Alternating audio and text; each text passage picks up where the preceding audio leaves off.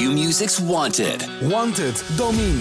Blijf Domine verschuren 100 uur lang uit de handen van Bram Krikken? Voorspel en maak kans op 10.000 euro. Volg het vanaf 13 mei bij Q-Music. Voordat we beginnen wil ik je erop wijzen dat in deze serie voorbeelden van seksuele uitbuiting en kindermishandeling worden genoemd.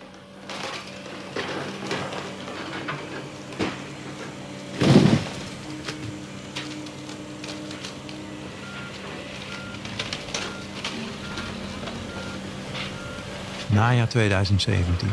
Honderden staakcaravans worden weggetakeld. Vocht Oranje, de camping waar zoveel om te doen is, wordt stap voor stap en veld voor veld ontruimd. Zo gaat de gemeente met mensen om. In vijf maanden tijd verandert de camping in een troosteloos terrein. Waar ooit caravans stonden, zie ik nu gaten in het gras. Alleen de leidingen die nog uit de grond steken en de bergen afval herinneren aan de tijd waarin meer dan 700 mensen op de camping woonden. Ik ben Peter Ullebroek en dit is De Erfenis van Engel. Een podcast van B en De Stem, het AD en de aangesloten regionale dagbladen. Ik maak deze podcast samen met mijn collega's Pieter van der Akker en Fieke Nobel. Dit is aflevering 2. Grote Koning. In de vorige aflevering vertelde ik je dat de GGD in 2017 onderzoek deed naar Vocht Oranje. En dat onderzoek maakt zoveel los dat de directeur van de GGD een documentairemaker benadert. Frank Stojansek. Pieter en Fieke spreken hem. Hij zei: Jongens, we komen er niet meer uit met z'n allen. We moeten wat. Uh, Media-aandacht en dit soort zaken helpt meestal niet. Maar we hebben nu het gevoel dat we niet anders meer kunnen. En toen heeft hij me een onderzoeksrapport laten uh, zien. Ik schrok me kapot wat ik daar zag. Dat hulpverleners daar kinderen aantroffen die letterlijk uh, sliepen in uh, bedjes zonder matrassen. Die dagenlang alleen werden gelaten. de honger die er was. Het wijdverbreide seksueel misbruik en het seksueel exploiteren van mensen. Ja, er stonden een paar foto's uh, in dat rapport. En die waren al heel erg schrijnend. Dus die serie, die komt er?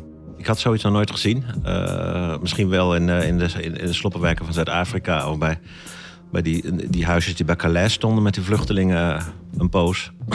en we, hebben eigenlijk, we zijn eigenlijk maar één straat gegaan tot aan, de, tot aan de speeltuin. En daar zijn we omgekeerd. we voelden ook wel dat we meteen wel opvielen en werden, en werden bekeken. we, waren, we waren meteen erg ondaan. Een miljoen mensen kijken en verontwaardiging is groot. Al die mensen zien wat er met ene Bibi gebeurt, de goede vriend van Wilme Hermans. Bibi was uniek. Ik heb uh, nooit iemand gekend die uh, zoals hij was. Ik heb hem leren kennen uh, in de zomer op een terrasje. En ik had meteen een klik met hem, ben met hem bevriend geraakt. Ze woont in Breda, in een flatje. We worden eerst enthousiast begroet door haar hond en daarna ook door Wilma zelf. Een karakteristieke vrouw. Paars haar, veel tatoeages. We merken dat ze graag een verhaal wil doen. Veel mensen kennen de camping van de serie van Frank. Maar dat is niet zoals zij het heeft ervaren. En toen woonde hij al op Vocht Oranje? Ja, daar woonde hij toen al.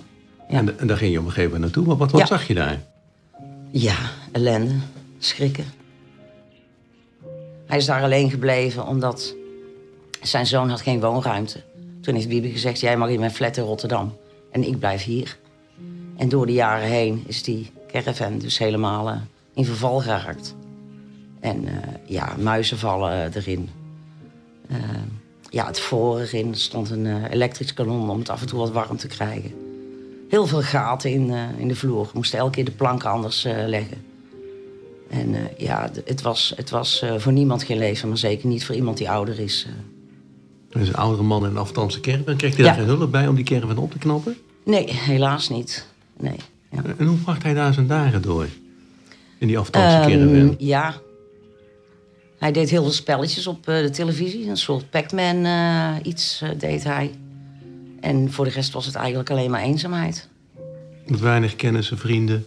Ja, wat mensen van de camping. Hij had daar dan wel wat vrienden. Maar ja, hij had ook niet echt de mogelijkheid om, om dingen te ondernemen natuurlijk. Omdat hij wat ouder was.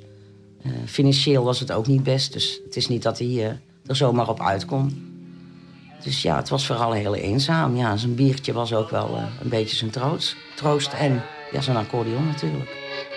Mocht hij zo'n ontmoeten, doet hij dan de groeten en zegt dat ik nog Bibi met zijn onafscheidelijke accordeon stilt de harten van al die kijkers. Bibi werd net geen 80, hij overleed in 2018.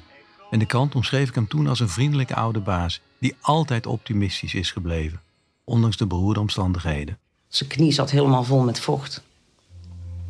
Hij kon de caravan niet meer uit. eh. hij had, eh, ja, dit klinkt eh, niet leuk, maar hij had een, een pak vruchtensap opengeknipt waarin hij, ja, urineerde. Want hij kon zelfs de wc nog niet eens halen. Ik heb de huisartsenpost gebeld. die wilde niet komen. Vanwege het, eh het slagboom gebeuren. Het slagboom gebeuren? Ja, de camping zat natuurlijk altijd als een slagboom. Daar had je een pasje voor nodig om erop te komen. Ja, hij kon daar niet naartoe lopen. En hun konden er niet door. Ik heb gezegd van nou, ik kom daar naartoe. Ik had ook een pasje. Ik doe de slagboom open. Deze meneer heeft hulp nodig. En eh, nee, ze kwamen niet. Uiteindelijk een afspraak gemaakt bij het ziekenhuis. Eh, daar is hij naartoe gegaan. In de veronderstelling dat hij moest blijven. Dus een koffertje ingepakt. En we kwamen aan bij het ziekenhuis. eh, en het bleek gewoon even alleen een, een afspraak te zijn. En toen heeft hij ook gezegd van als jullie me nu niet helpen... dan eh, gooi ik me vandaag nog voor de trein. En toen is hij opgenomen.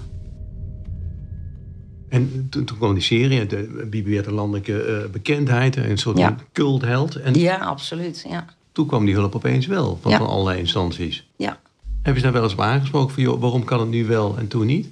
Nee, op dat moment ben je blij dat hij, eh, dat hij de hulp krijgt. Hij heeft altijd gezegd... de enige manier waarop ik nog van de camping afkom... eh, is in een kist. Dus ik was al heel erg blij dat hij hulp kreeg. Maar toch nog even over die caravan.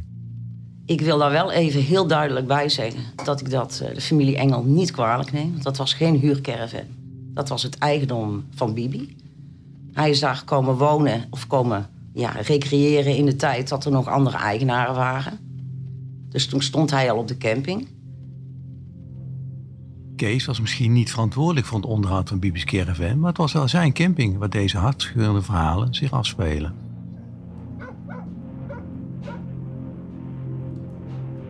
En het zal allemaal wel. Eh, wij eh, reden over die camping en liepen over die camping. En eh, hadden een goed contact op een gegeven moment met een 12-jarig Pools meisje. Ik zal haar naam hier niet, eh, hier niet noemen. Dit is Frank weer, de documentairemaker. En dat was een gewoon een vrolijk, normaal 12-jarig meisje. Werd op school gepest omdat ze op die camping eh, woonde. Maar voor de rest, ze had een vriendinnetje daar op die camping... en deed wat vertaalwerk voor de Poolse seizoenarbeiders die er ook eh, zaten. Normaal gekleed, eh, lekker vrolijk, beetje spelen in de speeltuin... beetje rondhangen met haar, met haar vriendinnetje. Op een gegeven moment hadden we er een paar weken niet gezien... En toen zaten we op een gegeven moment bij eh, de politieagent Marijn in de auto. En dan loopt er iemand langs de auto. En ik kijk zo even in haar gezicht, zie je er een flits. En ik zeg eh, tegen die agent, is dat dat meisje? Ja, zegt hij. En ze was totaal anders gekleed. Make-up op, ze zag eruit als iemand van eh, in de twintig. Dus ja, die is in handen van eh, die Roemeense bende daar. Die daar en daar zit. Want ze heeft nu een 19-jarige Roemeense vriend. En ze moet wel werken voor de geld. Nou, en toen, nou, toen knapte er iets. We zijn nu jaren verder en je wordt er eigenlijk weer boos van, hè, merk Ja. ik. Ja, absoluut. Heel diep. Dus, en zo wemelde het van de voorbeelden. Deze voorbeelden halen de serie van Frank niet. Maar evengoed is het genoeg om de kijkers boos te maken. En dus komt de gemeente in actie. Fort Oranje wordt gezien als een vrijstaat. Dat betekent dat er erg veel sprake is van criminaliteit. Terug naar juni 2017. Dan besluit de gemeente Zundert het beheer over Fort Oranje over te nemen. Kees is woest. Ik hoor geruchten dat hij het water en de elektriciteit wil afsluiten. Zodat de gemeente van de een op de andere dag een oplossing moet verzinnen voor de 700 bewoners van de camping. Eigenlijk best wel vreemd. Kees probeert altijd het beste met zijn bewoners voor te hebben. En dat valt moeilijk te rijmen met zo'n actie. Maar volgens Kees kan hij niet anders, omdat zijn campingvergunning wordt ingetrokken. De gemeente denkt er heel anders over. Die voelt zich voor het blok gezet. Kees wordt per direct van de camping gezet en de gemeente gaat de boel zelf runnen. Er komen in die tijd op Fort Oranje. En na de overname verandert er veel, zo niet alles. Er komen bewakers en er wordt een avondklok ingesteld. Bewoners moeten zich keer op keer identificeren. Ze hebben het inmiddels over strafkamp Fort Oranje. Tegelijkertijd wordt ook voor mij het werk op de camping er niet gemakkelijker op. Waar ik tot die tijd zo Fort Oranje kon oplopen, moet ik nu mijn komst dagen van tevoren melden. En dan mag ik ook nog eens lang niet altijd op. En als het dan wel mag, dan alleen onder begeleiding van een bewaker. Die dan nog het liefst ook nog eens bij ieder interview aanwezig is. En nog sterker, als ik op een gegeven moment hoor van een bewoner dat hij een rechtszaak wil beginnen tegen de gemeente, word ik nieuwsgierig. Ik maak een afspraak via de gemeente, dagen van tevoren al, zoals het hoort. Maar op de dag zelf, als ik bij hem langs wil gaan, belt hij af, zonder reden. En dat gebeurt in die periode vaker. En ik voelde toen aan alles, de gemeente zet deze bewoners onder druk.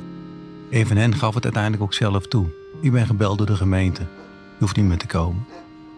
De chaos is groot vanaf het moment dat de gemeente de camping runt. Waar de gemeente eerst vaag is over de toekomst van Fort Oranje, wordt nu steeds duidelijker dat alle caravans eraf moeten. Mensen dreigen dakloos te raken. En besef wel, de camping is dan voor velen al de laatste plek waar ze terecht kunnen. En toch tilt een hijskraan tussen juli en december 2017 een huis de lucht in. Ja, ik ben echt, ik ben ook op van de stress. Ik zie de ontriddering van de mensen nog voor me. Krijsen, boosheid, verdriet. Als ik dan moet zwerven, prima, maar niet mijn kinderen en mijn beesten. En die moet ik nu dus achterlaten en ik mag er niet bij. Onze vragen voor de gemeente zijn nog altijd onbeantwoord. Fieke is zelfs met de hoofdredacteur naar het raadhuis geweest om antwoorden te krijgen. Maar ze geven niet thuis. Nog steeds niet. Dit is niet de eerste keer dat het volledig ontspoort rondom Kees. Hoewel er op de camping genoeg krotten te vinden waren, kreeg hij die bijnaam Krottenkoning al veel eerder. Dat was toen de gemeente Rotterdam met hem afrekende. Letterlijk eigenlijk. Hoe vaak heeft u het eh, tegen hem opgenomen in de, in de rechtszaak? Ja, ik denk dat dat meer dan 100 procedures zijn geweest. Ja, Als je 100 huurzaken per jaar hebt, het zou kunnen dat er dan toch zeker eh, 30 eh, met Kees Engel waren. Ja. Je hoort Ton Rijnsburger, sociaal advocaat in Rotterdam. Hij zat in de jaren 90 honderden huurders bij in rechtszaken tegen huisbaas Kees. Omdat toen ik net advocaat was, ik denk een paar jaar, Kees Engel eh, op de woningmarkt verscheen van huurwoningen. Hij was eh, ook nog vrij jong. Eh, hij had gestudeerd. en woonde in Rotterdam-Zuid. En ja, wat ik van hem weet is dat hij dacht... Hey, die etagetjes waar ik woon, die zijn wel heel goedkoop. Die kan ik eigenlijk beter zelf opkopen... en dan aan medestudenten gaan verhuren. En dat is voor zover ik weet zo ongeveer zijn, eh, zijn start geweest. En in die tijd, begin jaren tachtig, het was na de, na de huizencrisis... kon je op Rotterdam-Zuid een, een uitbouwetage voor 2.000, 3.000 gulden kopen. Dus als je daar vervolgens eh, vier studenten in zette, ieder een klein hokje... met eh, zeg 300 gulden per maand, dan had je hem zo terugverdiend. En eigenlijk is hij op die manier vrij snel groot geworden in Rotterdam. Zwaar vervallen huizen die niemand meer wil hebben. Maar Kees is wel. Niet om ze op te knappen, maar om er geld mee te verdienen. Miljoenen. Maar die pandjes zijn er zo slecht aan toe dat Rotterdam de afdeling woningtoezicht erop afstuurt. We hebben ook wel aangetroffen dat eh, mensen zeg maar, eh, die daar woonden... de was hadden opgehangen aan de elektriciteitsdraden. Rinus de Steeg kan het weten, want hij bezoekt als hoofdwoningtoezicht veel van Kees en panden. En hij ziet hoe mensen daar wonen. Als, die, als die was al te nat is, dan gaat het los. En dan heb je dus gewoon eh, ja, eh, kortsluiting of eh, een flits. Of, nou ja, dat is gewoon, gewoon levensgevaarlijk eigenlijk. Het was kaal, niet ingericht. Ja, er stonden wat meubels om. Maar vooral ook wat matrassen om te slapen. En verder, ja, ik noem het maar even deprimerend. Alles wat je niet wil zien in een huis, dat zat er wel. Donker, vochtig. Nou ja, dus er zat zeker geen behang op de, op de muur of, eh, of een verfje of wat dan ook. En het was gewoon echt eh, nou ja, een soort, soort kamperen eigenlijk in, in een woning. Je wist ook, als hij, als hij zo'n inspectie had gedaan... dan moest je mensen eruit sturen. Dan stonden ze met een hebben en hou op straat. Dat is ook En- een duivels dilemma bijna dan. Nou ja, wel, ja, inderdaad. Want ja, waar ga je dan naartoe? Hè? Dus, dus, en dan wist je eigenlijk wel dat je... Ja, dat ze in het systeem wel weer zouden opgevangen worden. Maar dat was allemaal weer in diezelfde rafelrand van de woningmarkt.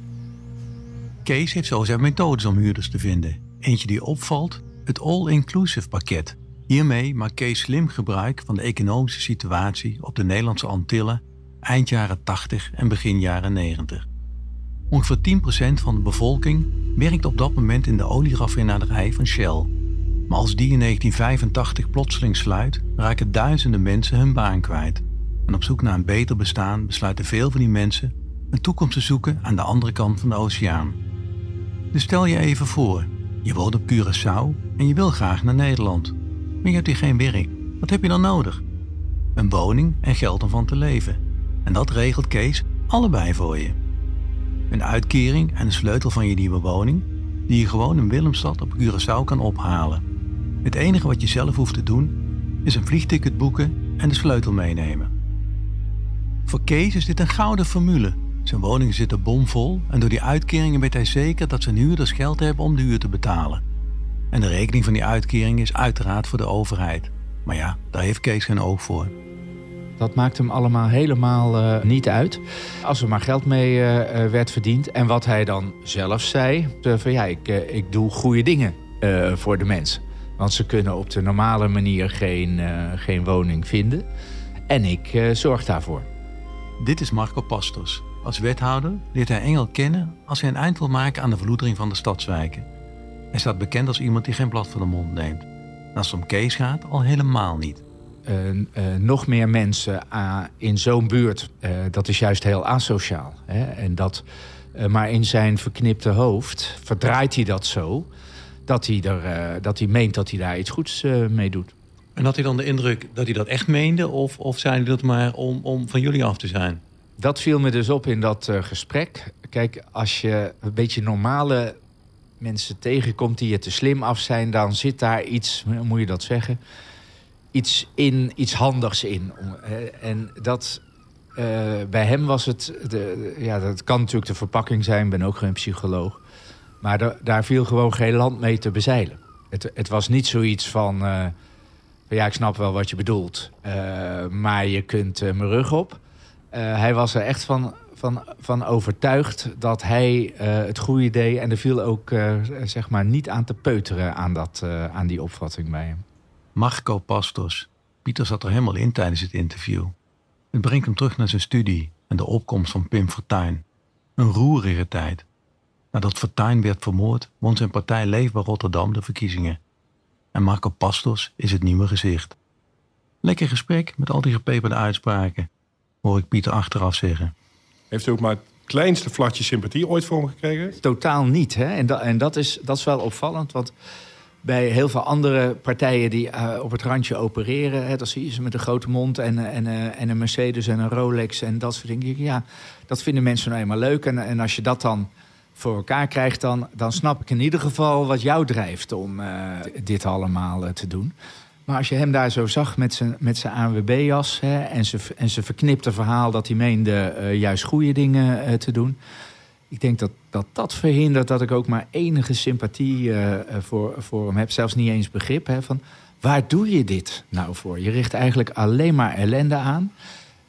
Maar, maar waarom doe je dit nou? Wat, wat, voor, wat ga je dan doen met die rijkdom? Echt helemaal niks. Dus ik heb kon totaal niet uh, uh, in zijn hoofd kruipen. Nee.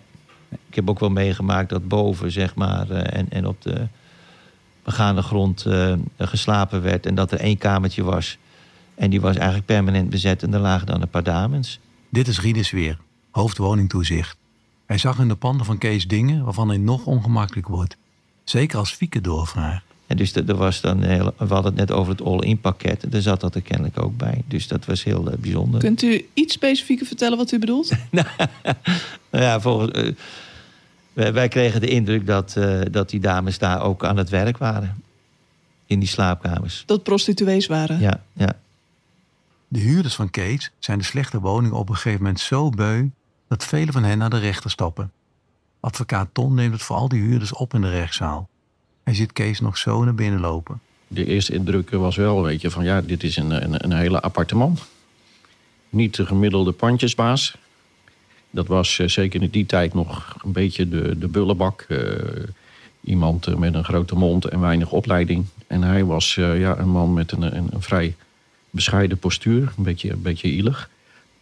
met een vrij nette uitspraak. En ook een beetje, nou, een beetje apart optreden had hij wel.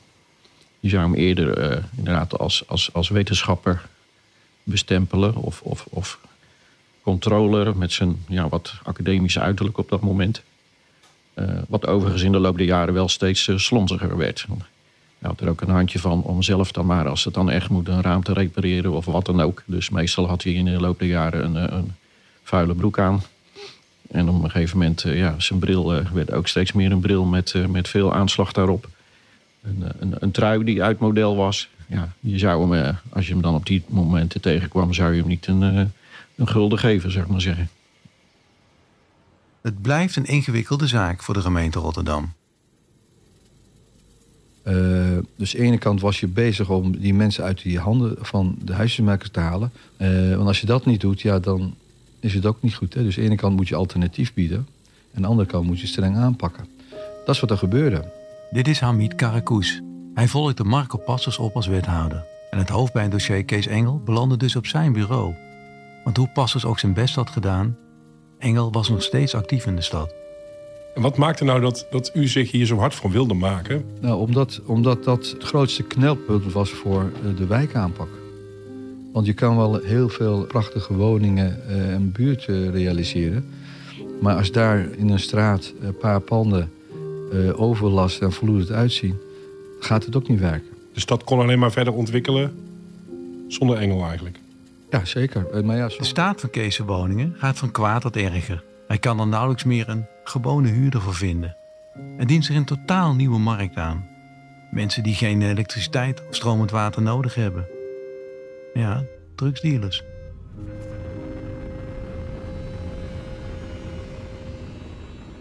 Ik denk, ik kan het niet uh, uh, wetenschappelijk of uh, formeel onderbouwen.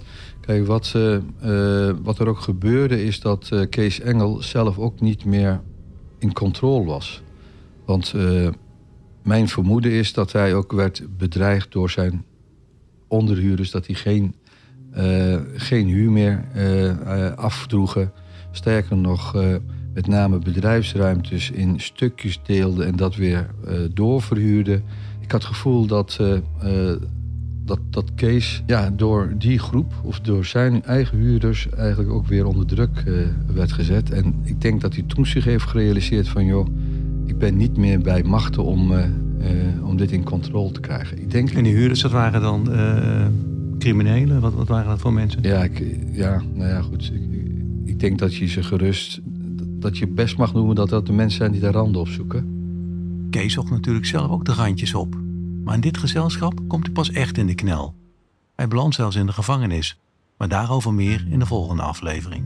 Jij zat er een gevangenisstraf uit vanwege drugsmokkel, hè? Ja. Daar ben je toen voor veroordeeld 4,5 jaar. Ja. En ik, dat was Kees Engel. En dan begon hij soms een verhaal waar niemand wat van snapte. Ja, dat waren wel rare, rare ervaringen, moet ik zeggen. Ja, ik weet wel dat ik in mei 2020 een beetje zoiets had van... oké, de overheid zal mij de rest van mijn leven blijven bestrijden... en zal niet stoppen tot ik dood ben. Ja, daar heb ik echt... Ik weet niet hoeveel van van verstonden. Dat was echt heerlijk. En het was vanwege het feit dat er een schietpartij plaatsvond. En je wilt natuurlijk geen loszingende kogels in je klas hebben. Ik snap het allemaal wel, want het had natuurlijk allemaal te maken met het feit. Kees Engel laat zich niet zeggen. Geen gezag. Dat was eigenlijk maar uh, onzin. Vind je dit ook zo'n boeiende podcast? Ondersteun dan onze journalistiek door een abonnement te nemen op BN De Stem, het AD of een van de andere aangesloten regionale kranten. Je luisterde naar De Erfenis van Engel, een podcast van BN De Stem, het AD en de aangesloten regionale dagbladen. Dit onderzoek is gedaan door Pieter van der Akker, Fieke Nobel en mijzelf, Peter Ullebroek. De podcast is gemaakt door Ditya Kappa, met eindredactie van Daan Hofstee. Het sounddesign deed Oliver van Nijs en de muziek werd gemaakt door Erik van der Westen. Q-Music's Wanted. Wanted, Domine. Blijf Domine verschuren 100 uur lang uit de handen van Bram Krikken? Voorspel en maak kans op 10.000 euro. Volg het vanaf 13 mei bij Q-Music.